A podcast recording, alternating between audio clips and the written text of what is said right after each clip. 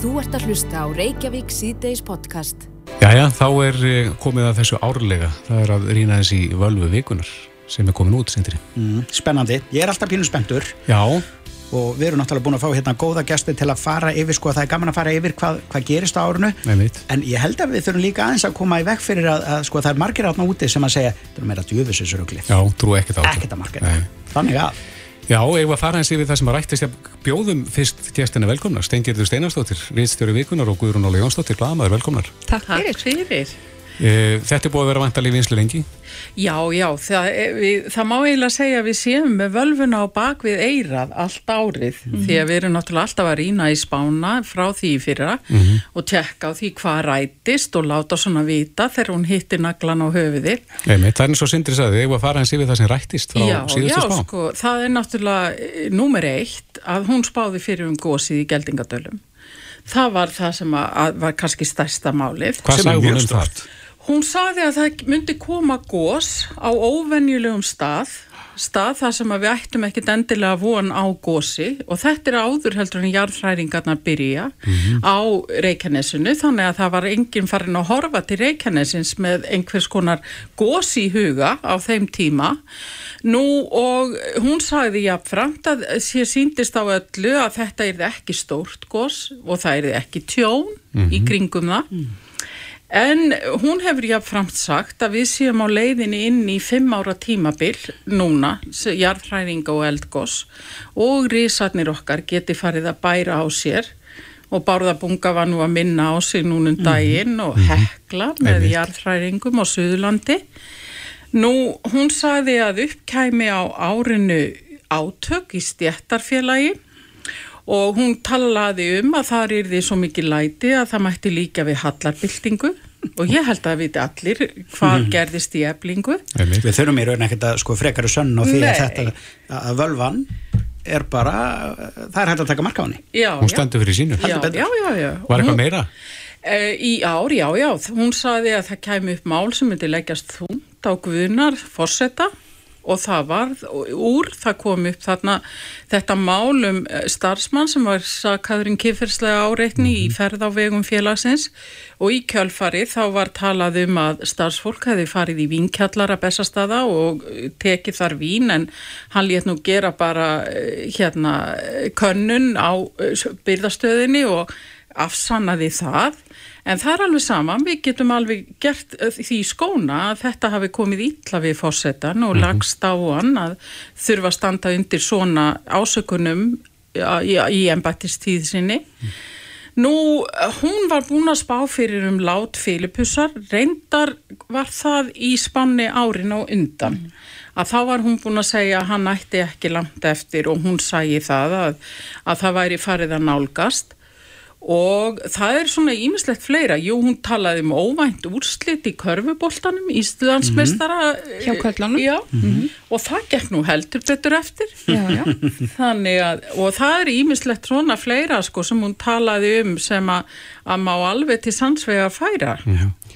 En Guðrún Óla, mm. hverju spáður hún í ár? Eða stikla stóru? Já, sko þegar ég fór að hitta völvuna, það var í byrju november, þá var til dæmis ekkert farið að tala um að, að hérna, ráðunitum eitthvað fjölgað, mm. neitt svo les, en hún spáður fyrir um það og um, hún talar um svakalega læti og neykslismál, neykslismál í pólitíkinni, uh, reyfrildi kringum skóla sem hefur nú verið að koma fram Já, på síkasti mm -hmm. og um, svo Já, þetta með sko svakalega læti og neykslismál, það var svolítið skemmtilega, það greiðilega fekk svolítið á hana, hún sagði bara ég verða að tala um þetta, þetta er ítt gríðarlega á mig að segja að ég verða að losa mig við þetta, sagði hún, segja þetta upp átt og mikla kæftasögur og svona. Já, já, svo vil hún meina að Dagur Björgers, hann haldi ekki áfram sem borgastjóri, það verði kona sem tæki við. Já, í já, já, sem borgastjóri sem borgastjóri já, já, Segur hún hvaða lit hún hefur? Nei, hún talar ekki um það eða það fór allavega ekki í bladið Hildur, Hildur byrjar að hristast þegar hún er að e, e, sko, hlusta á þetta. Akkurat. Og svo, svo talaði hún líka um og þess að ég segi, ég hitt hana þarna alveg strax í byrju november og hún talaði um uh, að þessi finnist eins og það er þið sett á lagina nefnd sem færi að kafa ofan í má landsbytalans og það myndi koma upp alls konar slæmi hluti sem hefði fengið að grassera undir yfirborðinu. Og nú er náttúrulega Viljum Þór búin að ráða Björn Sóega mm -hmm. til að skoða svona aðeins hún í skoða málum Búin að ráða hann sem kavara? Já, já, búin að ráða hann í kavara hlutverkið þannig að þetta er, þetta er alveg stórmerkileg spá, svo spáur hún fyrir um annað andlátt í konusfjölskyldu Já, má reyna líkum að því að það verði drotningin sjálf? Nei Það, það er einhver annars. Það er einhver annars. Já, já. Da, da, da, Hún verður náttúrulega 120 ára. já. já, já, sennilega. Líklega. Hún heldur sér vel. En annars var hún búin að tala um, þegar hún spáði fyrir um andlátt Filippusar, þá nefndi hún það að sér síndist að það er ekkert óskaplega langt á milli þeirra tveggja. Já, já. Þannig að það kann náttúrulega Mhm. að vera að, að Elisabeth verði ekkert óstjórnlega langlýf hér eftir enda náttúrulega búin að ná ansi háum aldri. Ég sé hérna myndir af Æslandervél og Playvél. Hvað segir hún um, um ferðaðinaðin og, og, og flugfélagin? Já, já, play, hún sagði bara, "Ah, þetta er ótalegt play. Hún sagði það, já. já, hún sagði það. Og, en hún vil meina að Íslandi er náðu nú að standa þetta af sér og komast út úr þessum hremmingum. Það vil meina að play náðu þá ekki flugi? Uh, hún vil meina að það verði ekki mjög langlýft. Já, já. Það verði ekki lengi allavega á markanum, þannig að Við fáum fjóstfjörðan til okkar hérna þetta, við þurfum að spyrja út í þetta. Það væri rosalegt ef hann væri sammála því. Já, það akkurat. tóttið skellur. En er einhverju skandalar? Ég- Flettir fólk ekki alltaf upp að, og leitar að þeim í þessari spá? Jú, það eru skandalar, en ég held að fólk verði bara að kaupa sér blaðið. Já. Það má ekki Getur segja of mikið, getur nefnt sko. okkur eitt skandal? Já, hún vil meina til dæmis að það- lætin í kringum hérna fótboltans sé ekki búinn Nei. og það verði eitt þarna sem fái dóm Já, og þetta haldi eitthvað áfram. já, Já, akkurat. En uh, völvan, er þetta alltaf sama völvan? Já við erum búin að vera með sömu vörfu undanferðin ár. Segðu okkur bara hver þetta er. Við skulum þeia. Já, Ertu búin að leggja inn á mig, Sindri? Ef ég fæ staðfesting á því, þá skal ég kvísla því að þér. nei, nei, það, það fæst ekki uppgefið. Nei, reyna, þetta er algjört hernaða leindamál og það er eiginlega fyrst og fremst vegna þess að hún vill sjálf hafa það þannig því að hún kæri sig ekki um ágang og er fullkomlega sátt við það að segja okkur hvað sé framundan en hún eh, vill ekki fá yfir sig holskeplu af fólki sem að vill leita frétta um enga líf sitt og hún er ekki manneska sem að er kannski eigum við að segja í þessum bransa Mm. Nei, akkurat. Það. En er hún, uh, hvað er hún búin að vera lengi í vikunni? Hvað, hvað hefur völvan Sko, verið ég- þarna lengi?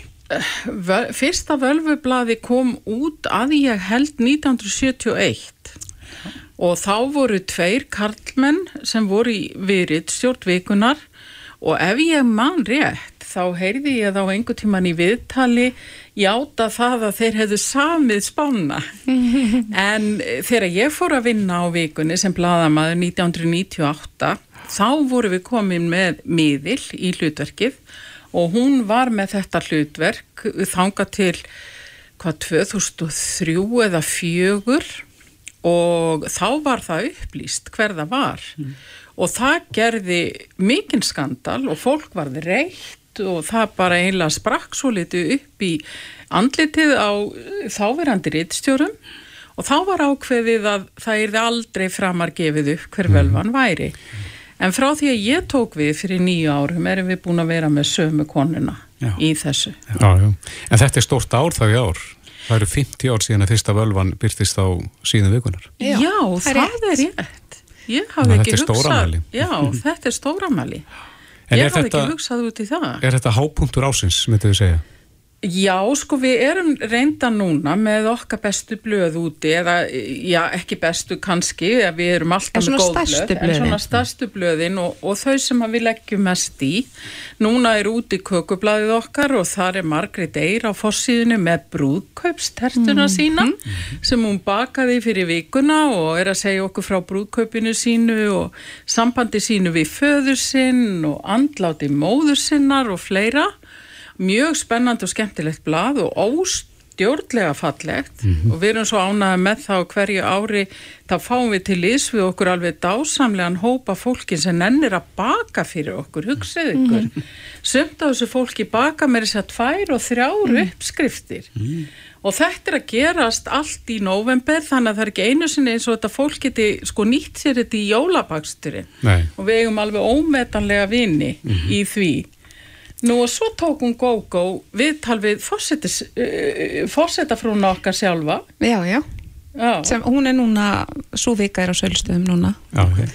En uh, langar aðeins að spyrja ég mynd um mm -hmm. þessi, sko, völvan, gerir hún það verkum að, að þetta vikublað sé það svona sölu hæsta yfir árið? Já, það er oftast nær en svo er auðvitað, þetta er auðvitað eitt af okkar meðsölu blöðum mm. en við eigum alltaf nokkur góð blöð yfir árið sem verða meðsölu blöð og það er svona svo litið mismunandi hvort að það er vel vann sem ávinningin eða hvort það er eitthvað annað því að GóGó er svo ótrúlega nösk að finna áhugaverð viðdöl og, og fólk sem að segir okkur frá stórkosljum hlutum. Já Já, já. já. E, Einn loka spurning uh, 2022 uh, Sankart völfunni verður það betra enn 2021? Réttasværiði já? Já, það er alveg rétt hún saði það. Hún saði það, já, já super. Og það COVID, hún, hún hefur trúið því að COVID sé að fara. Já, já. svo langar mér bara að lokum að nefna ef að fólk hefur áhuga á blaðinu en ennir kannski ekki endilega að vera að kaupa, að þá eru við með nýjan vef www.byrtingur.is og þar er hægt að fá eh, áskrift að bæði öllum blöðunum okkar og guðmulblöð ef þið, já, já. ef þið voruð í séð og heyrt einhver tíman þá getið þið kíkt á ykkur og, og þannig er sagan öll og fleira skemmtileg. lífsreynsli sögurnar. En, en völva vikunar komin út á bladi núna. Steingirður Steinarstóttir, Rítsþjóri vikunar og Guðrún Óla Jónsdóttir eða Gógó. Mhm. bladanar, kæra þakki fyrir komin Takk fyrir okkur, fyrir okkur. Þú ert að hlusta á Reykjavík C-Days podcast. Jæja, það er þessar eilifu tölur Já. sem við óttumst eða fögnum eh, þegar að tölurna lækka en við erum að tala um smittölur og uh, það var eh, greint 171 smitt, en það ekki gær. Þórólu Gunnarsson, sótatalæknir er á línunni, kom til sæl. Já, sælir. Á hvað leið erum við? Já, hvaða leið erum við á? Það er góð, góð spurning. Við erum, ég held að það sé ótt að segja að að, að smittölunar eru að fara upp mm -hmm. og, eh, og hérna og eh, auðvitað er kannski smittölunar ekki það sem að skiptir öllum áli heldur hvað gerist í kjölfarin á þeim og, og hérna og ef að tölunar fara að fara upp og þá fara tölunarinn á spítalan líka að fara upp eftir svona eina til tvær vikur það er bara séð það endur tekið í þessum faraldri En vitu við hvað Omikron er það að fara að spila ykkur að rullu? núna? Nei, það er ekki fyrir að spila röllu hjá okkur. Þetta er fyrst og fremst delta. Það hafa 50 manns greinst með Omikron afbreyði þannig það er ekki farið að vega þúnt hjá okkur ekki eins og hinnu Norðurlöndunum en það mun vafalust gerast hér eins og annar staðar. En það er rétt um vika til jóla. Uh, hverju mælir þú með núna yfir hátegarnar? Þetta er, þetta er hérna tími fjölskyldunar og hittinga? Já, ég held að fólk fyrir bara áfram að gæta vel að sér og, og hérna og uh, það, það kunna allir þessar leikregl, leikreglu út af hvað þetta gengur að fara bara varlega, vera ekki í ofmiklu hérna, fjölmenni og, inn, og, og passa sig, nota grímur þegar það er að við í miklu návíi við ótengda aðila og hvort sem það eru jól eða ekki jól. Og í fyrra vorum við með jólakúlur, það voru náttúrulega miklu færri E, fjöldanarki þá voru eitthvað 10 eða 20 og, og, en nú eru þau meiri þannig að það er ekki þar með þó þessi 50 núna þá er ekki þar með sagt að við þurfum að, að hitta alltaf 50 manns í einu. Við getum reynt svona aðeins að hugsa okkur um. Þú hefur náttúrulega sagt uh, COVID er þannig sem bara komið til að vera. Uh, við erum alltaf að gefa í eða, eða draga úr kemur að þenn tímapunkti helduruð að við verðum bara að segja, heyrðu, bara veikjast, ég menna þeir sem veikjast þeir bara veikjast, við verðum bara að halda lífuna áfram. Þú veist bara koma átt mei kemur að þessum tímapunkti?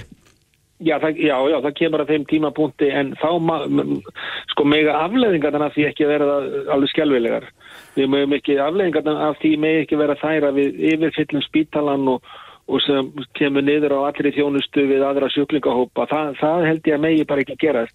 En það auðvitað kemur það að því að þegar það komið gott ónæmi í samfélagið og við erum að vonast þess að, að við náum því með þessar útbreytt þriðju bólusetningu og eins bólusetningi á krökkunum 12 til 15 ára, þessi tværspröður er að virka bara mjög vel að að, hérna, að þegar að því kemur að, að ónæmið verður mjög útbreytt og mikið og þá getur við farið að slaka á og, og, hérna, og þá leifum við verðun að ganga, kannski verður hegðar hún sér þá einhvern veginn öðru vísi, það verður bara eiginlega að koma í ljósin. Sá tími mun koma, uh, en hvernig það verður, það veit ég ekki. Nei. Finnst þér einhver munur á því að, að, að uh, tala við núverandi helbriðisráþara versus uh, Svandísi? Nei, í, í grunninn ekki. Það eru bara fólk með sína persónulegu skoðanir og alls konar skoðanir sem að, sem að menn eru að velta upp en í, í, í grunninn er raun og verið bara það sama. Menn eru með nákvæmlega sömu, hefalögu og, og skynsum spurningarnar og, og nálgunna.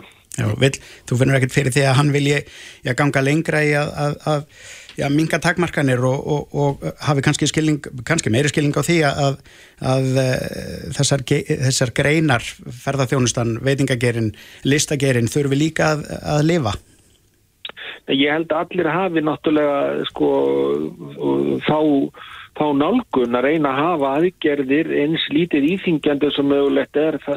Svandís var með þá nálgun og, og, og Vilum er með þá nálgun uh, líka og, og ég er með þá nálgun líka. Síðan getur mönnum greint á um það getur hvað er hæfilega mikið, hvað er of mikið og fannig við höfum reynt að, fara eins valega í þetta og reynt að slaka á þegar við getum og hert svo á þegar við þurfum og og það hefur líka vakið svona, eh, mennum ekki verið að lánaði margir hverju með það og vilja hafa meiri stöðuleika en, en það er ofta ekkit alveg ljós hvað í hverju stöðuleikin á að félast. Þannig við hefum verið að reyna að feta þetta svona á fram og, og ég held að við séum öll á sama báti með það. Mm -hmm. uh, ef ég hef stílið þið rétt í viðtölum að þá eru jólalháðborðin svona þyrnir í þínum augum? Hefur áhyggjur af þeim í desember? Ég ekkit, ekkit í sjálfu sér, ég, ég hef alltaf oft skemmt mér vel á jólalháðborðum en En mér finnst bara að við núverandi allstaðar það sem að fólk er á mikillir reyfingu, það er það sem ég er að benda á. Og nota sömu áhaldun kannski? Nota sömu áhaldun og er á mikillir reyfingu mm. og það er verið að drekka áfengi og þá svona missum aðeins tökin og fólk er að þvælast hvert inn um annað og þá, þá bara koma þessi, kemur þessi smitt hætta upp og, og hún er líka fyrir hendi á, á hérna viðburðum það sem að áfengi er haft um hönd og menn er að þvælast fram og tilbaka úr sætónum sínum að fara niður og kaupa meira og, og, mm -hmm. og með gleima grímunum og þetta er maður bara að fá fréttir af þessu. Já. og þetta er, þetta er náttúrulega smittæknan bara fælst í þessu. Þetta er það sem að veiran elskar mest af öllu. Og, og hérna þannig að það er það sem ég er að tala um. Ég er ekki að tala um viðbröðina sjálfa. Ég meina ég skemmti mig vel á hlaðborðum sjálfur og viðbröðum og allt en það er þessi smittækta sem ég er að tala um. Já, en þú er líka gefið grænt ljós á bólusetninga barna 5-11 ára Já. og maður heyri kannski meira núna fólk soldið í vafum það hvort að, uh, hvort að það sé gott að bólusetta börnin hvort að ávinningur er meiri heldur en áhættan Já Hvað viltu segja við þá sem er í vafa? Já, það, mér finnst það bara mjög eðlilegt að fólk spurja þessari spurninga og, og, og, og hérna um það hvort að þurfi að bólusetta börnin og hérna en, en þá er því til að svara í fyrsta lagi að að börn geta veikst alvarlega af COVID-19. Það er sem betur fyrir sjálfgjafar heldur í fullornum en við erum bara með upplýsingarna það frá Evrópu og, og Amríku um, um spítalahinlagnir barna og, og döðsföll barna og alvarleg veikindi barna að völdum COVID-19. Þannig að það er bara ekki rétt sem að vera að segja að börn veikist aldrei alvarlega af COVID-19 og það hafa verið um hundra börn eh, sem, að, sem að hafa verið í ströngu eftirliti á COVID-gönguteldinni þó að á þessum aldri sem þó þau hefur ekki lagt inn á spítala. Nei. Það er í fyrst, fyrsta, fyrsta lagi það og svo í öðru lagi í þessar rannsóknum sem hafa verið gerðar á þessum bólefnum að þá virka þau mjög vel, 90% virkni til að koma í veg fyrir smitt og, og alvarlegar aukaverkanir hafa ekki sérst. Það, það er nummið tvö. Og svo í þriðja lagi árangurinn af því að, að mika veikindi hjá börnum á þessum aldri þannig að þau geti haldið áfram sinni skólagöngu, e, sínu frítímu og sínu eðlega lífi sem að menna hafa haft miklar áhyggjur af að sé að hafa áhrif á þeirra andlega, andlega líf og andlega helsu og, og þetta, er til, þetta er líka sko hérna til að koma í vekk fyrir það og koma í vekk fyrir sko vinnutap foreldra og, og svo framins þannig að það, það er til margs að vinna þannig ég myndi segja að ávinningurinn af því að bólusetja börn er markvallt, markvallt meiri heldur en ókostinu við að mhm. bólusetja börn. Sigriður Andersen, hún uh, gaggrindi þig núna ekki fyrir löngu og sagði að málflutningu þinn stangaðist á við uh, tölur sem koma frá Evrópu, sagði að þú væri mjög myrkar í máli, tekur undir það? Já, sko, Sigriður hefur náttúrulega gaggrind mig alveg frá byrjun og og verið með eh, alls konar gaggríni á, á hérna, það sem ég hef sagt og, og það tölur sem ég hef komið með. Þannig að þetta er svona í takt við það. Ég menn geta bara að skoða þessu upphaldu sjálfur, sjálfur eða vilja.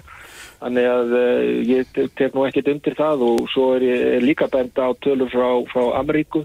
Þannig að þetta eru bara beina tölur sem ég hef frá yfirvöldum bæði í Evrópu og sótarnastofnun Evrópu og frá Amríku þannig að, þannig að ég er svo sem ekkert elda við það, elda við það hún, hún, hún má bara halda því fram með hún vill. Mm. Ég velta hans fyrir mig sko, nú erum við náttúrulega að byrja að ferðast meira sem betur fer, uh, margir mjög glæði með það uh, uh, maður heyrir samt á fólki, ég veit um eitt sem var í Oslo, annan sem var í Paris og eitt sem var í London og, og, og allir sögðu, það er eins og við sem samt meira paranoid en aðrir, það er ekki það, það, það er auðveldar einhvern veginn að vera uh, á uh, flúvöllum erlendis, það er auðveldar að vera á veitingastöðum eða, eða ná sér í kaffi. Hér, það er svona eins og það fólk sé ekki, þetta er ekki alveg mikið í fréttum það er eins og hér. Er, er við að ganga lengra heldur en aðrir í að já, vera, já, og erum við uppteknari af þessu heldur en aðra þjóðir? Ég veit það nú ekki, ég, ég get náttúrulega svara því, það er kannski, það má vel vera að það, svo er, en það er þá ekki okkur að kenna því að það eru líka fréttamenn sem er alltaf að... Já, já, við erum alltaf að ringi þig. Alltaf að ringi mig og byggjum við og já. reynir bara að vera við því, þannig að, þannig að þið getur líka spurt ykkur hvort að þið séu að, að, að leita þetta ómiklu fréttum um þetta, þannig að... Hvort að við búum til hérna, paranóina? Það má vel vera en, en, en við, við, við gerum, höfum líka sko, þá kröfu að, að, að við séum að segja bara frá stöðu eins og er og, og, og þegar hlutinni ganga vel og þegar hlutinni ganga ekki eins vel og, en það er svona kannski vandrat að hvernig er of mikið sagt og hvernig er of mikið fréttum og stundum finnst mér nú sjálfum þetta vera full mikið í fréttum en Já En ég stýri því ekki, það eru fjölmjölaðin sjálfur sem stýra því. Það er rétt, en við náttúrulega búum samt ekki til reglurnar og eins og þetta fólk sagði, þetta er ekki endilega, það er ekki allir með grímu allstaðar og, og, og eins og ég segi þegar inn á flúvöllunum versus, versus flúvöllunum hérna, þetta var ekkert vandamláð sem flúvöllun, svo koma menn heim og já, já hvað segir þau? Eh, ja, það eru kannski reglur á ymsum stöðum úti sem ekki farið eftir. Mhm. Þannig þau voru aðeins að, sko, aðeins að hugsa það enda er líka staðan þannig núna að, að við erum alltaf að bera okkur saman í útland og okkur eru við, ekki að gera eins og í útlandum og, mm. og okkur eru við svonaði hins eginn og mm. þetta hefur náttúrulega verið mikið, við erum mikið verið spörður um þetta. Ég hef, ég vil svaraði þannig að við verðum bara að búa okkur til það reglu sem við tilnum vera skinsamar og miða við þá faraldsfræði og þá reynslu sem við höfum og aðrar þjóðir gera þetta öðruvísi. Það er ekki eins og að allar þjóðir gerir þetta á sama hátt og við einhvern veginn allt öðruvísi það er, uh, ef við berðum saman Danmark og Norega, Danmark og Svíþja þá þetta, breytir þetta millir þessara landa líka þannig að þetta er breytilegt og ég held að við hefum ekki að velta okkur ómikið upp úr því hvort að hlutinni sé gerðir einhvern veginn aðeins öðruvísi í Danmark og heldur við hér á Íslandi Einmitt. Mm -hmm. Þorólur Guðnason, sótarnalæknir, við skulum bara vona að við förum all varlega núna fyrir jólinn. Við, við verðum bara alltaf að gera það og, og það er það sem skiptir öllum máli. Ná þessum tölum neyður. Kæra þakki fyrir spjallið. Takk fyrir takk, það. Takk, bless, bless. Þetta er Reykjavík C-Days podcast. Það er desember mánuður og um, einhverjir sem er í vandræði með að finna gjafir. Mm -hmm. Það er geta nú verið af ýmsum starfum að gera. Já, og á ýmsu verði. Já. En uh, listaverkin, við ætlum aðeins að ræða þau núna á næstinu. Já, uh, ég, sko, ég fylgist uh, grann með mm -hmm. og fer inn á, ja, eins og inn á myndlis.is sem er vefur hjá Fold mm -hmm. og mér finnst eins og verð á listaverkum fari hækandi Já. og það frekar rætt. Bara núna upp á síðkastið? Já, bara undanfæri misseri, sko. Já og ég var að velta því fyrir mér hvort við ættum ekki aðeins að heyri honum Jóhanni uh, Ágústi Hansen sem er listmjönansali hjáfóld mm -hmm. og hann er meitt mættur á línuna Blæsaður Sælir Hvað segir Jóhann? Er þetta rétt eða rangt mat að, að verðið fari bara hrattækandi? Það er rétt mat. Já. Þetta hefur verið að hækka alveg frá 2020 þegar raunin COVID kom og í fyrra var 40% aukning í sölu á, á listaverkum allavega hjá okkur. Hvað veldur því? Ég held að það sé sambland af eh, innulokun landans og góðum kaupmætti Já. og menn er ekki að eigða erlendis í ferðir og annað og, og hugsa mikið um heimilisinn allir að taka allt í gegn og niður leiður á því að horfa á sömu vegina Mm -hmm. þannig ég held að sé svona ímislegt og í, takt, og í bland við að við höfum við að fá góðu verk í sölu. Og þegar þú talar um það og þegar þú talar um góðu verk uh, sko ég sá uh, á síðastu uppáðu hjá okkur að það var lítil mynd oljumálverka eftir Egger Pétursson. Hún var svona 30 sinum 40 og, og hún, nei, nei, nei, nei, var- hún var helmingi minni. Hún var 30 sinum 20 hún var 30 sinum 20 og fór að tapar ef ekki bara, já, ef hún hef ekki bara farið á 2 miljónir 2,5 með öllum uppbóðskjöldum og höfundrættagjaldi já, sem er náttúrulega ekkert verð fyrir gott verk. Það er fyrir gott verk það, mér finnst það reyndar, reyndar vel í lagt fyrir svona lítið verk en, en, en það má ekki gleyma hann er einn af allra vinsalustu og eftir sóstustu listamenni þjóðarinnar. Mm og langur bygglisti eftir verkum hjá honum og Hvað er- það er koma ekki mörg olíuverk eftir hann í sölu Nei, 30 sinni 20 er þetta bara svona eins og stórt póskort. þetta er bara eins og að fjögublað Já. Já. Og svo er, og svo er endur annað verkefna sem ég sé á, á, á hérna, uppbúðu núna sem er eftir Georg Guðuna og býtu hvað er oljuverki, hvað er það aftur stórt? það er, eh, já hvað var það 40 sem 50 Já, eitthvað svoleiðis. sem er heldur ekki Og- mjög stórt og það er komið upp í, mjög stórt. það er komið upp í þrjár koma eitthvað miljónir og er metið á þrjár og það er náttúrulega það er eftir einhverju fjóri dagar eða ekki? Já, það sem hefur líka verið að gera sérstaklega núna frá því haust er að vefuppbúðan standa yfir í einhverja tíu daga og oftast hafa bóðin komið í lok uppbúðsins en núna hefur upp á síkastið hefur fólk verið svolítið ákaft og sett inn bóð alveg um leið og verkin, þessi verk sem er að fara á yfirverði hafa farið strax upp í matsverðin. Já, Það er svolítið nýtt og svona sem hefur gerst hjá okkur. Er þetta góð uh, kaup? Það er að segja, er, myndlist góð fjárfesting? Myndlist er góð fjárfæsting í tvennum skilingi. Fyrsta lagi þetta getur gert góð kaup og, og verkið ávakstast í, í fjármunni ávakstast sem þú leggur í það. En hins vegar er þetta líka með svona feguraskinni. Þú ert að kaupa eitthvað sem þú ætlar að hafa á vekkjaður og njóta í ára tugi yfirleitt. Já. Þú nýtu þess ekkert endilega eh, sko, hengja hlutabrifið upp á vegg.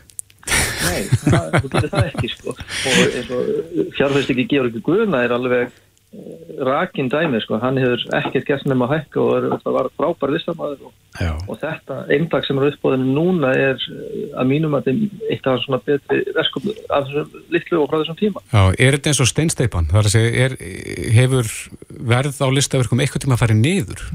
Eða er þetta alltaf bara upp á við? Nei, þetta, þetta er ekki eins og steinu þetta hefur farið upp og niður.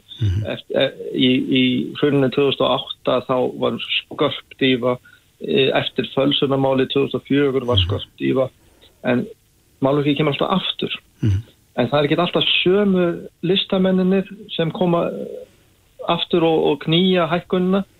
Eh, það eru listamenn sem ekki náð sér eftir fölsunamálið á sínum tíma uh, og meðan aðrir hafa bara stíðið í, inn í, staðin en hver, Má þá til dæmis nefna, fyrir nefna hérna, Karl Kvaran hefur til dæmis komið sterkur inn eftir 2004 og til dagsins í dag.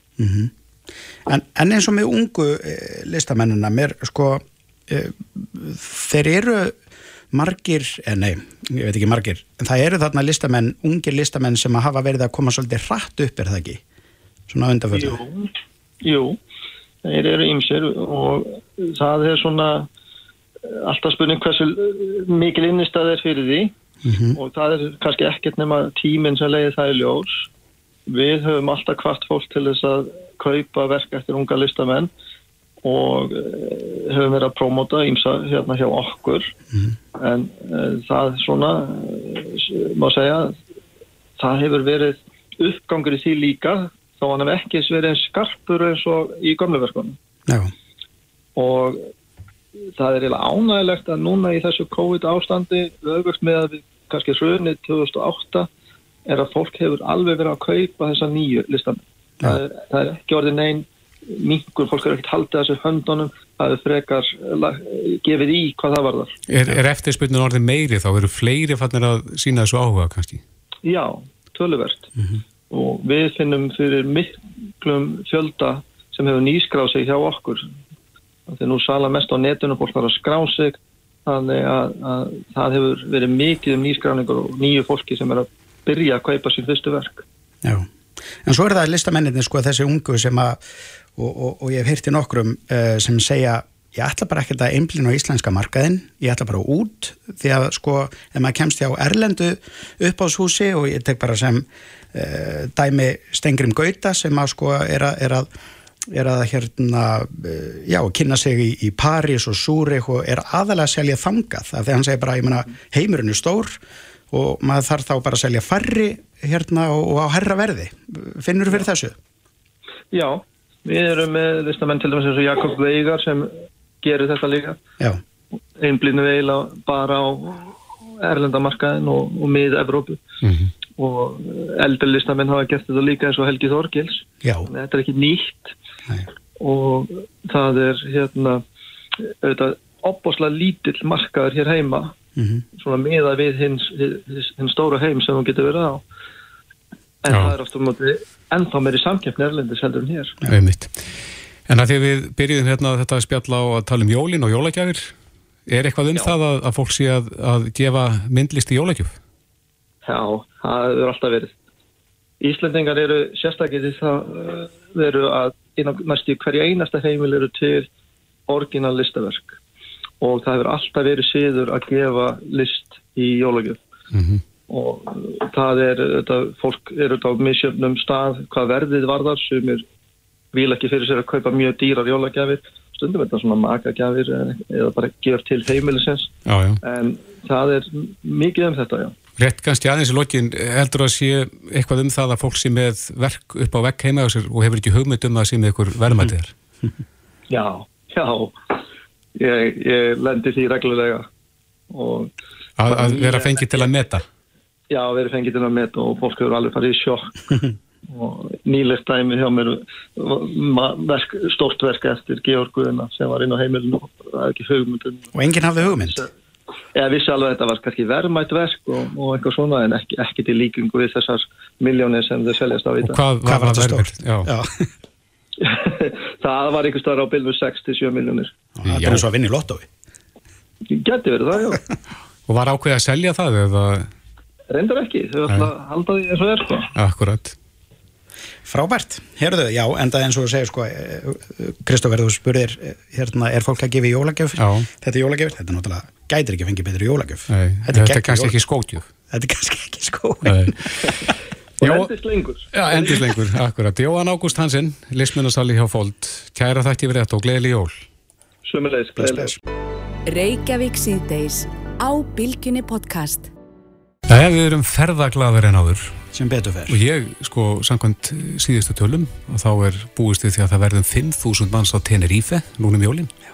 þetta er ekki smá fjöldi Nei Þetta er bara Íslandika nýlenda. Já, hugsaður Kristófer uh, hefði einhver sagt við mann sko, þú veist, í logast 2019 mm -hmm. að framundan væru bara óbáslega fáarferðir Já. og við ættum bara eins og landið okkar er indislegt að við mm. erum bara föstnastu í tvö ár. Einmitt. Ég veit ekki hvað þið er gert. Nei, þannig að menn hafa svolítið stokkið til Já. og farið úr landi. Mm -hmm. En hann er komið til okkar Birgir Jónsson, fórstjóri Play, velkomin. Takk, takk. Þið eruð að tilkynna flug til bandaríkjana núna, þú erum búið að opna á flugþangað.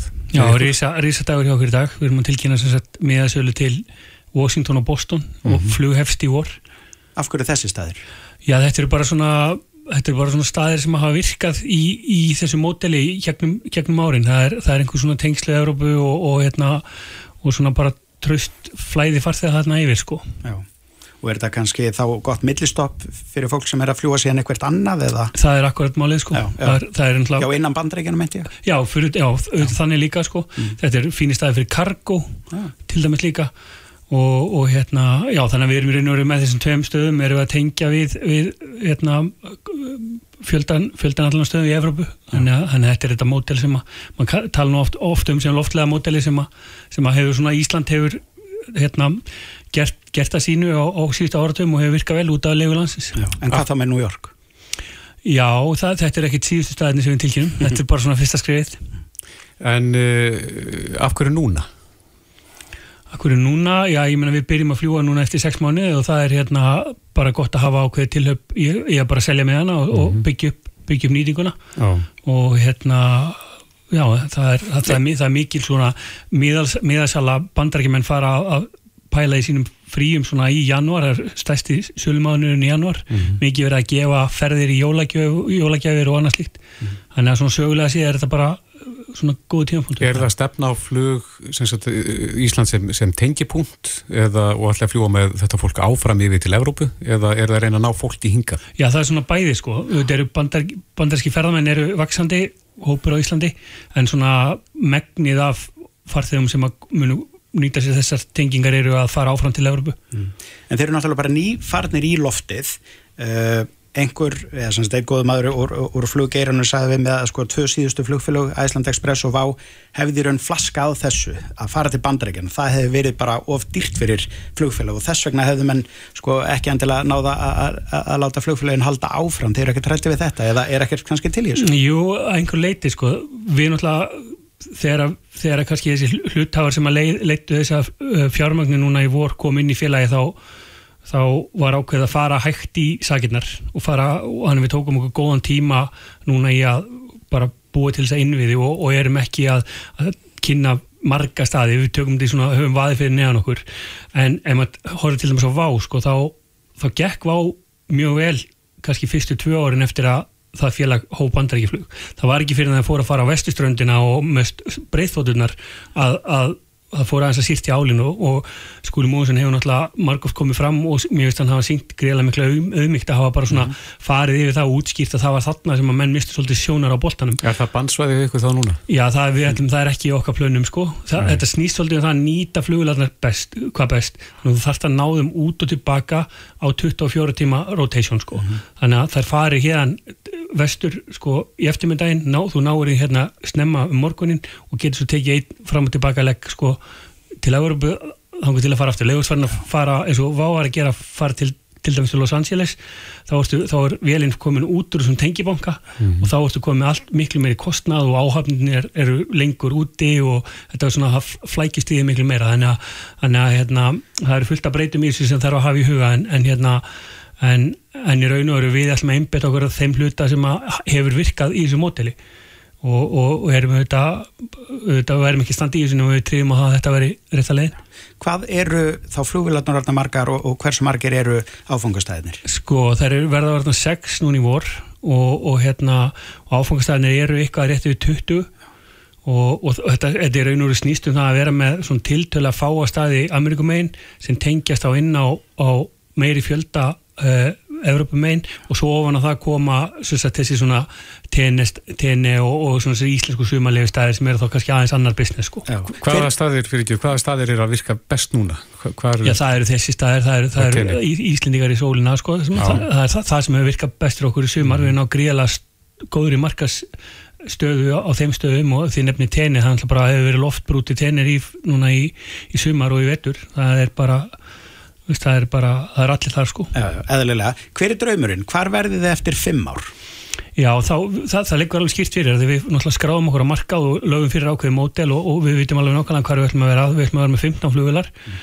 og, og hérna, en já okkur snýst ekki um að vaksa hratt eða, eða vera með rosalega marga flugvilar eða rosalega mikið fólki eða, eða velta rosalega miklu, við ætlum bara að vera lítil og sveigjanleg og, og hérna og sína bara skynsem í rekstrinum og, og auðvitað vera arbart, ar, arbart fyrirtæki sko. Hvernig finnst þér fólk taka í flugfélagið? Nú eru náttúrulega ekkert eh, hérna lendamála að það sér ekki hrifið Já, það, mér er það nú fundist frekar ósangjant en, en, en skiptir nú meira máli að við erum búin að fljúa með eitthvað um 100.000 manns á þessu ári og hófum, hófum flug núna í, í lóki júni og, og þetta eru mest allt Íslandingar eða ferðamennleið til landsins þannig að ég get ekki verið neitt annað en greiðilega sáttu þar við Er það meira en, já, já. er það meira en spárgerur á fyrir? Nei, það eru auðvitað kannski aðeins undir því sko, en það við vorum kannski ekki menna sérstaklega spá við settum fram ákveðina sviðsmynd svona, sem kannski beigða því að, að COVID myndi kannski aðeins verið í rénun ef ég man rétt á orðið eitthvað um 100 og ég man ekki 40.000 eitthvað sem að, eitthvað sem við vorum að spá þessu ári en Já. það er 100.000 En nú er Omikron komið til sögunar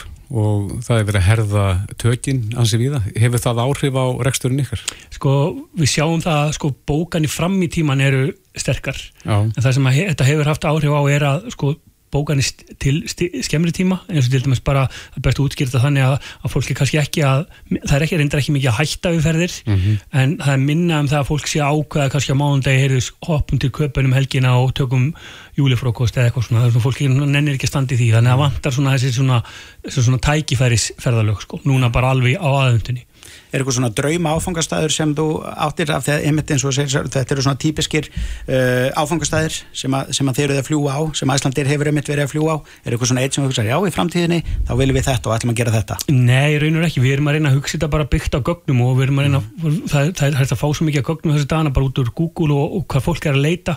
Þannig við erum að reyna bara að drauma áfangastæðinni bara svo áfangastæði sem ber sig sko. Vi, Við verðum að eiginlega að því við fengum völvu vikunar hérna fyrir í dag og uh, hún spáir svona þegar að völvan er að spá fyrir um gengi flugfélagana þá fáu þið ekkert afskalblega góða engun Nei, út af hverju það? Já, hún segir bara þið ná ekki flugi. Nei, já, það er svolítið íslenskt sko og, og að hérna við erum hérna 400 manna þjóð og, og við erum núna, við erum 150 manns í vinnu, við erum núna bæta við öðrum 150 manns, það eru 5.000 manns sem sótum vinni á okkur, þannig að við verum 300 manns í vinnu núna á næsta ári sko, við erum alltaf, Íslandingar erum svolítið að hæðast að fólki sem er að skapa eitthvað nýtt og gera eitthvað nýtt, sko, mm. það er eins og við meigum ekki, það má ekki fá einhverja hugmyndir eða svona stinga höstum aðeins upp úr moldabingnum, sko. Þannig, að, þannig að ég átta mig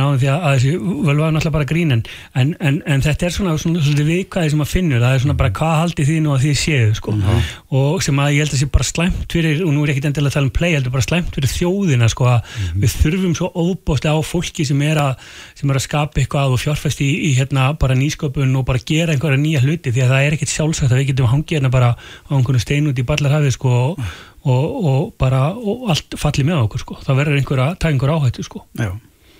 Þannig verða verðmættin til. Það er bara þannig. Mjög gott Birgir Jónsson, eh, fórstjóri Pleifi sem bara gangi ykkur vel eh, á þessum nýju leiðum. Uh, New York, detturinn, bráður það ekki þá? Ég, ég segi sem minnst að það voru að spyrja völvuna því Akkurat, takk fyrir komina Takk hjá Reykjavík síðdeis á Bilginni podcast. Ríkislaugbjörnstjóri uh, byrti í dag nýja stíslu mm -hmm. þeir gera áhættugreiningu á glæpum í samfélaginu og svona segja okkur hvar helst og hættuna líka Já. Engin breyting á því núna á línunni Röðnólfur Þóraldsson aðstóður yfirlörgur þjóttn hjá greiningateilt Ríkislörgustjóra, kom til sæl. Sæli verðið. Já, hvar liggja helstu hættirna svona þegar þið gerið sísluna upp? Já, það eh, við fórum svona yfir helstu brotaflokka sem að, að lauruglega er að glíma við og, og gengt upp í sjögunar uh, umhverfisbrot og sjárættisbrot en, en uh, svona megin niðurstöðunar snúa náttúrulega þessu hefðbundna. Það eru fíknefnabrotin, mannsalsbrotin, netglæpir. Það er svona uh, stærstu kaplarnir hjá okkur. Kanski ekkert sem kemur óvart eða hvað? Nei, sjálfur sér ekki. Við hefum gefið út skýslur áður þar sem að, að við hefum fjallað um, um þessa brotaflokka og, og þennan manda sem að, að við svona, já þetta er sammeilegt vandamál teljum við fyrir okkur öll, ekki bara fyrir laurugluna. Þetta er, þetta er Þetta er, uh, er slæmt fyrir samfélagi, það eru bara neikvæðar afleðingar af skipulari brotastasumi fyrir allt samfélagið. Mm -hmm. En hvaða brotaflokkar eru í mest, mestum vexti núna? Það myndi ég segja að væru netglæpis, vikastassinni, net árásir og, og, og lausnagjalds eh, hérna, árásir á, á fyrirtæki og almenning, svikastassinni, gagvast almenning. Já. En hvað gerir menn við svona skýrslu? Hvernig er, hvernig er hægt að nota svona skýrslu til að já, ráðast á vandamálinn? Já, það, það er akkurat það sem að, að, að við svona erum að reyna að, að þetta er, þetta er svona stefnu miður greiningarskísla að svona þannig að við fáum sameilega skilning, lögurökla, stjórnvöld og almenningur á þessum vandamáli og bendum á, á leiðir til þess að bregðast við því uh, við þurfum að auka getu ekki bara löguröklu, en reynin líka eftirlistofnana annara mm. og uh, auka við tekningu, auka við tekningbúnað og, og, og þannig að við bendum á okkurna leiðir þarna. Það, haf, það hefur margt gerst á, á, á undanfjöldum tveimur árum og, og við þurfum bara, meðum alls ekki slaka á, við þurfum að halda áfram í bröð og mm -hmm. styrkja lögjöf og styrkja lögreglu og eftirlustofnandur. Já, þú segir styrkja lögjöfuna, þarf að veita þá ríkari heimildir fyrir lögreglu til rannsóknu? Uh, Það er í sífællu samtali hjá okkur við okkar fagráðaniti og, og gengur ágætlega í því samtali.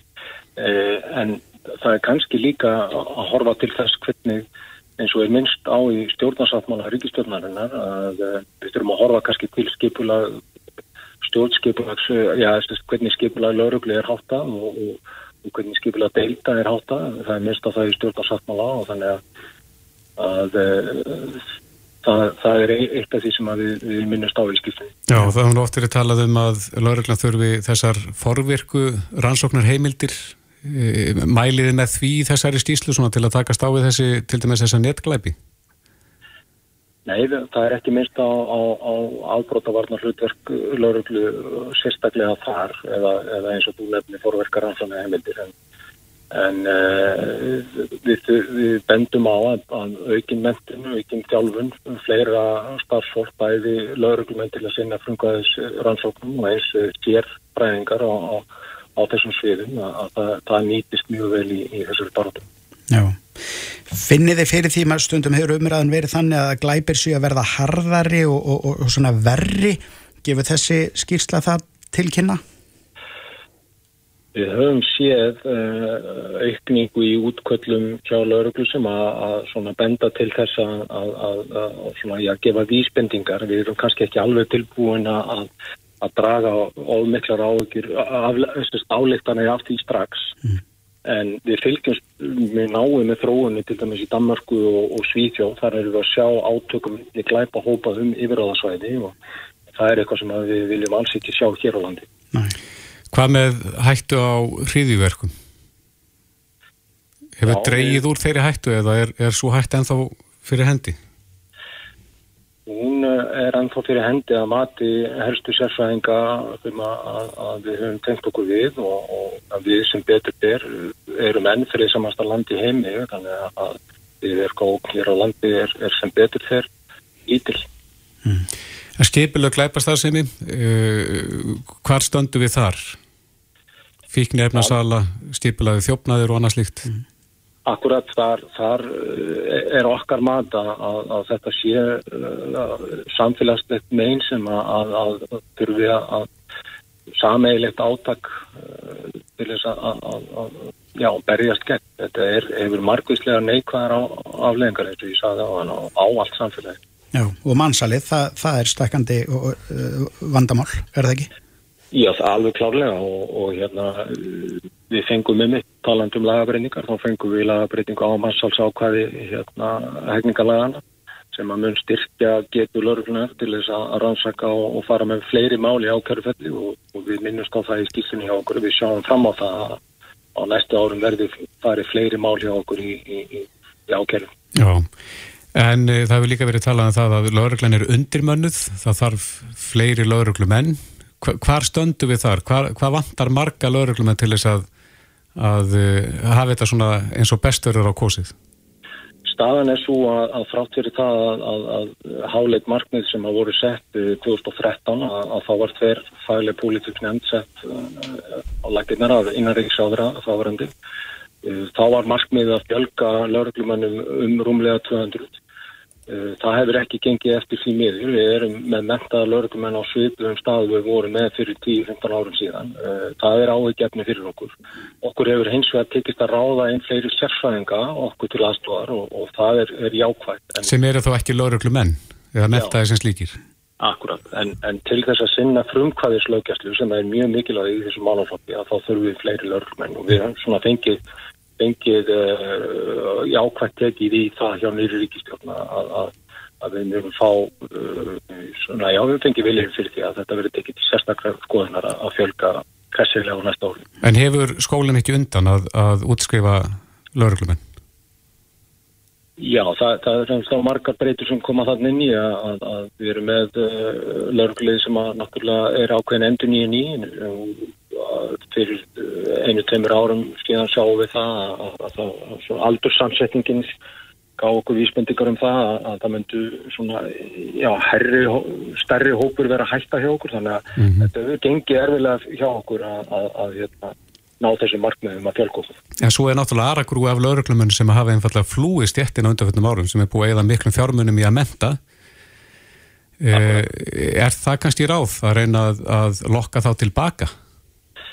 Já, já, það, það, það lauruglustjórar að výlýsa náttúrulega reglulega eftir lauruglumunum og, og hérna, það, það gerist alveg hjá okkur að við fáum inn eh, lauruglumenn sem hafa farið frá okkur en, en komið tilbaka sem betur fyrr. Já, akkurat. Rönnólur Þóraldsson, aðstór yfirlörglu þjótt í greiningateild Ríkislörglustjóra. Kæra þakki fyrir þetta. Já, bestu þakkir, takk. Hlustaðu hvena sem er á Reykjavík C-Days podcast. Já, Sendri, mm -hmm. erst þú búin að kaupa alla jólagjafir? Já, já, já, lungu. Já. Allt tilbúið hjá mér fyrir jólun, búin að pakka inn og jóladrið komið upp. Er og, það? Jú, já, ég gerir þetta allt í byrjun desember. Já, í byrjun desember. Já. Já, ég er ekki alveg þá ætlar að pakka inn okkur. Er þetta að meina þetta? Já. Hvað ætlar að gefa konniðinni? Ég segja það ekki. ég skal segja það eftir. Ok. En uh, rannsóknarsettur Vestlunarinnar uh, stóð fyrir vali á jólagjöfinni hvers ás fyrir sig, mm. hættu því en eru búin að taka upp á því að, að endurveitja það. Já, vel gert. Já. Á línunni er uh, Sigrún Sigurjónsdóttir, forstöðumadur rannsóknarsetturs Vestlunarinnar. Komdu sæl. Sælir. Já, jólagjöfin í ár, þetta var nú, þetta var nú lengi gert, en uh, svo dætt þetta niður. Já, Af ég hverju? tók við, tók við starfið fórstöðumanns aftur uh, núna í sumar og ég ákvaða að endurvekja þetta skemmtilega verkefni. Já, vel Eh, gert. Ekki síst vegna þess að mér finnst uh, jólin skemmtilegu tími og tíðarfarið á Íslandi er einhvern veginn þannig núna að við þurfum á öllum uh, gleðilegum og góðum fréttum að halda. Mm Þetta, þetta er hérna algjörlega þess eðlis. Já, en hver er jólagjöfin í ár að ykkar mati? Heyrðu, jólagjöfin í ár er joggingalinn. Við sem sagt, breyttum aðeins til líka í aðferðafræðin í ár og ákvaðum að hafa sem sagt, þrýþætta gagnaöflun. Við spurðum neytendur hvað þeir vildu í jólagjöf Mhm. og við leitum til vestlana og spurðum hver væri mest selda sérvara novembermánaðar og svo fengum við sagt, einvala lið neytendafrömmuða til að sitja með okkur í rínihóp og ákveða hvað ætti að verða fyrir valinu. Getur þú sagt okkur hvað kom til greina? Já, það var ímislegt sem var rætt. Það var samt þannig að flest sem kom til greina var, uh, voru svona hluti sem að snýrust að vellíðan og að okkur myndi líða illa, snýrust að heitna í líða vel fyrir Mhm. snýrust að helsu. Uh, aðri hluti sem voru mikið rættir voru til dæmis hinn allræmdi erfrægir og Já. það kom í, kom í ljós að hann var mest selda varan af þeim vestlunum sem skiluð inn gögnum.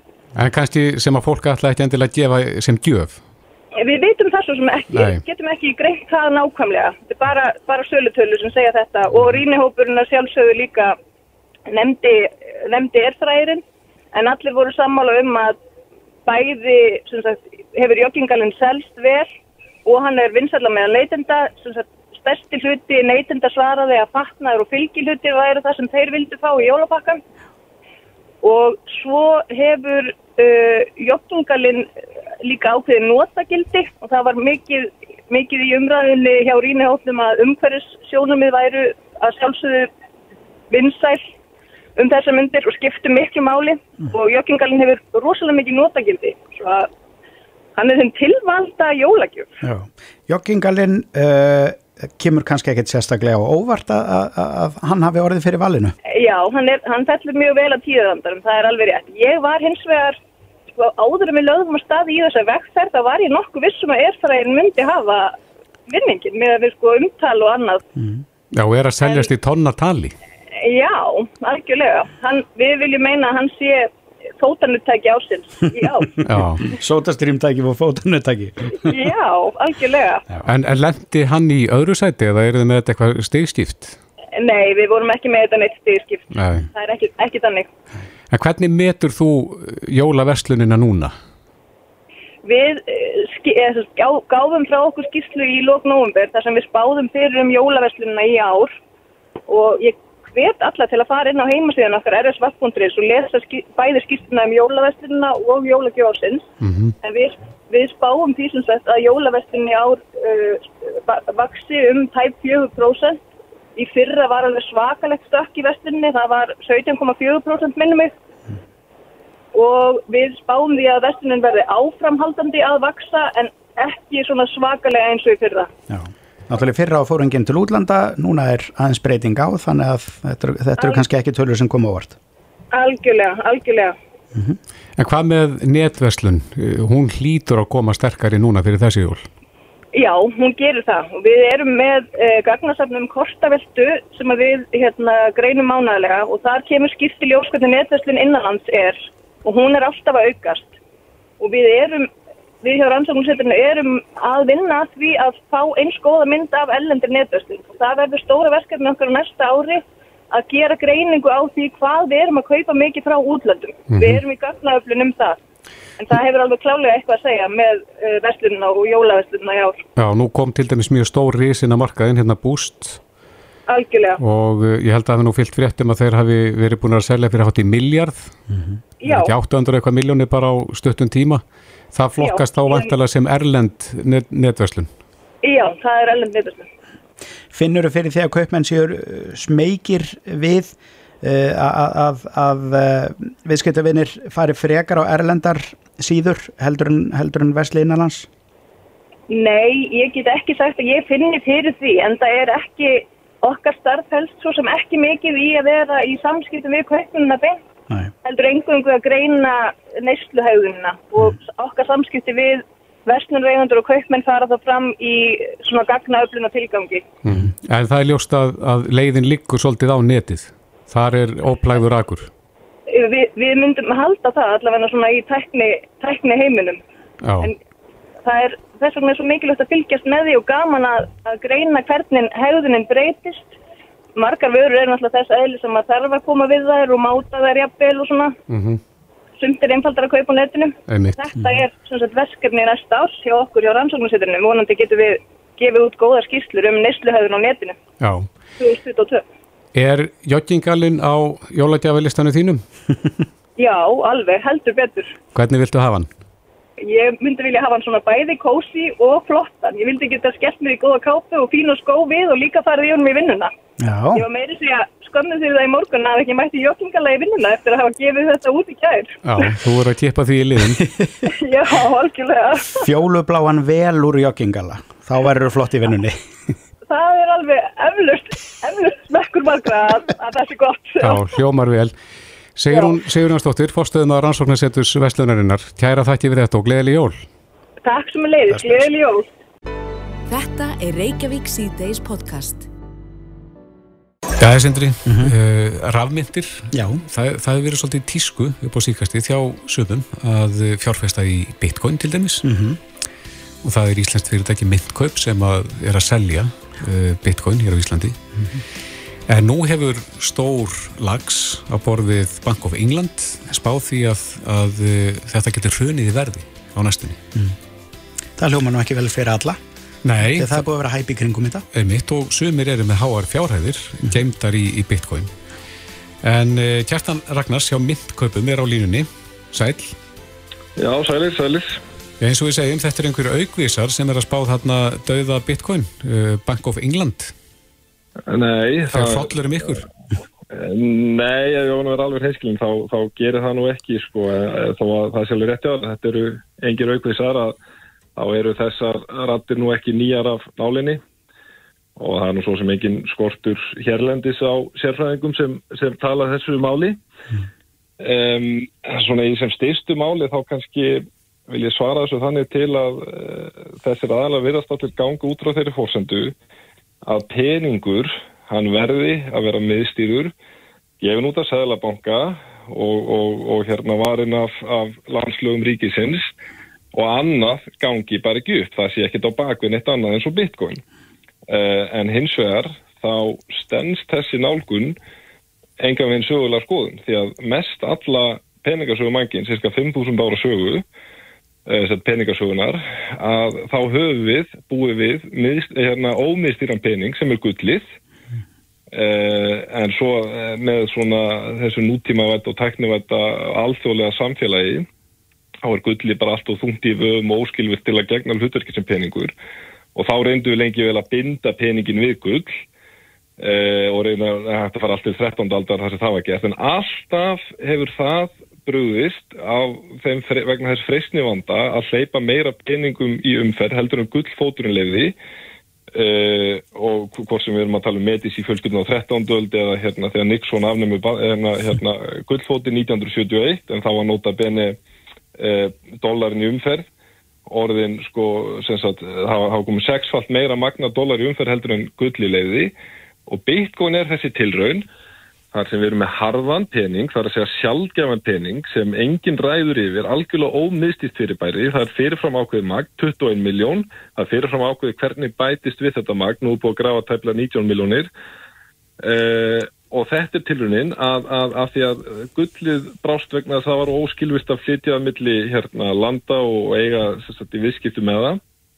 Uh, Bitcoin leysir þannig vanda en heldur í þetta Eh, skulum við segja þetta innihald sko sem er sjálfgefnin og ó, þetta, þetta ómiðstýrað element. Já, þetta, þetta, þetta er tilraunin sem Bitcoin er. Já, þannig að þetta er raun, þú myndir kannski lýsa þessu sem ríkishróka í, í Bank of England. Þetta er svona kannski skiljaðilegt eitthvað leita því að þeir, þetta er náttúrulega kerfi sem þeir eðlilega er að verja og, og hérna þeir átt að sjá að hér er að verða eitthvað stórt til, þeir vona eðlilega að þetta hérna, verði bara bóla sem springur af því að þeir mun ekki geta stjórna þessu kerfi með sama hætti og e, bitcoin, e, af því að það getur engin stjórna bitcoin. Þannig að ég held að það svona, þú veist, ef ég set mér þeirra spór, ég, ég held að maður sé alltaf með ákveðna svona, hvað ég segja, fordóma eða, eða sko bæjas gagvart ykkur sem er að koma úr annari átt en því kerfi sem maður starfar í og, og raun og veru býr til og, og, og á að verja og hérna sinna valúð að e, þá auðvitað eftir hættur við eitthvað sem er að koma utan. Ég held eins og að þessi fæðsla er algjörlega óþurf því að hérna eh, ef þetta fer eins og ég vil trúa að þetta fari og þeir sem trúa Bitcoin fari, þá munu allir vinna því að e, það er annað sem þessir aðilar tala um sko að þeir segja að, hérna, þeir ganga út á því líka sem vísu að það sé neikvægt að vera með harðan pening, þar sé sjálfgefan peningar svo gullið að bitcoin, að því hann eigur virðið sitt yfir lengri tíma og þeir segja að þetta hvetur svo mikið til sparnar við viljum að peningurinn e, rýrni smá í hérna virðið, það sé smáæli verbulga af því að þá er aðrunlífið frjóra og það er hvað til hérna, meiri neyslu. Og þetta er rétt að sumuleiti til en hins vegar stend þetta heldur ekki sögulega skoðum til að við sjáum það að eh, ef við bara fyrir bátt til, til, til, hérna, eh, vestrómanska ríkisins eða, eða austrómanska ríkisins eða, eða verið náður hvaða menningar stórveldis sögunar blóma skeiðin eru þegar það er harður peningur, þegar það er bara gull en ef leiða byrja að þinna út gullið vegna stríðsbröld, segjum svo til dæmis rómverðinu þegar voru berast í germanuna, þurfti að fjármægna svo mikið stríðsækstu, þurfti að fara að þinna út gullið. Að þá verður ekki bara, ekki bara þinnu peningurinn, það verður algjört menningar hrun og það má líka bara svona svo ég, svo ég klári þennan punkt ef maður fer á síðan að 12 of TF happened in 1971 uh, hérna .com að þegar Nixon afnæmi gullfótinn að þá sér maður sko daldi merkilega samandegt þetta hefur ekki bara áhrif á, á dollarin eða peningin þegar gullfótinn afnæmin það verður bara virðist vera að margt í menningu okkar samfélagi eh, nigni þegar peningakerfið er ekki, er ekki gott. Nei. Rétt aðeins í lokin, uh, sumir haldaði fram að bitcoin sé bara píramítasvindl, maður hefur séð þetta í útstýringum hjá, hjá einhverjum sem að reyna að útskýra út á hvað þetta gengur, að uh, þetta gangi út af það að fólk sé að kaupa, þá helst verðið á floti, en svo finn ég að þegar að fólk hættir að kaupa. Hvað, uh, hvað segir við þessu? Já, þessu hægt að fara afdráttalus neytandi að það er að segja korki píramítarsvindl nef, nef ponzi skím og það er einfaldasta leginn til að útskýra það er að í báðum þessum uh, svikamilum sem, sem ég nefni hana að það er alltaf fyrirheit eða lofvorð um ávinning eh, sem er ekki bitcoin. Ef þú kaupir bitcoin þá kaupir það algjörlega á þína ábyrða áættu þú fær engin lofvorð eða enga tryggingu um neina ástun. Þú kaupir bara á þínum fórsendum og þú tekur ástun og þú ber ábyrðina en hins vegar með píramítarsvindlum og ponsi þá er alltaf einhver aðili sem er að lofa þér hérna, e, ávöxtun. Já, einmitt. Já, e, engar áhyggjur hefur af þessum e, spátómi Bank of England, Kjartan Ragnars hjá myndkaupum. Kæra þætti fyrir þetta. Takk fyrir. Reykjavík C-Days á Bilginni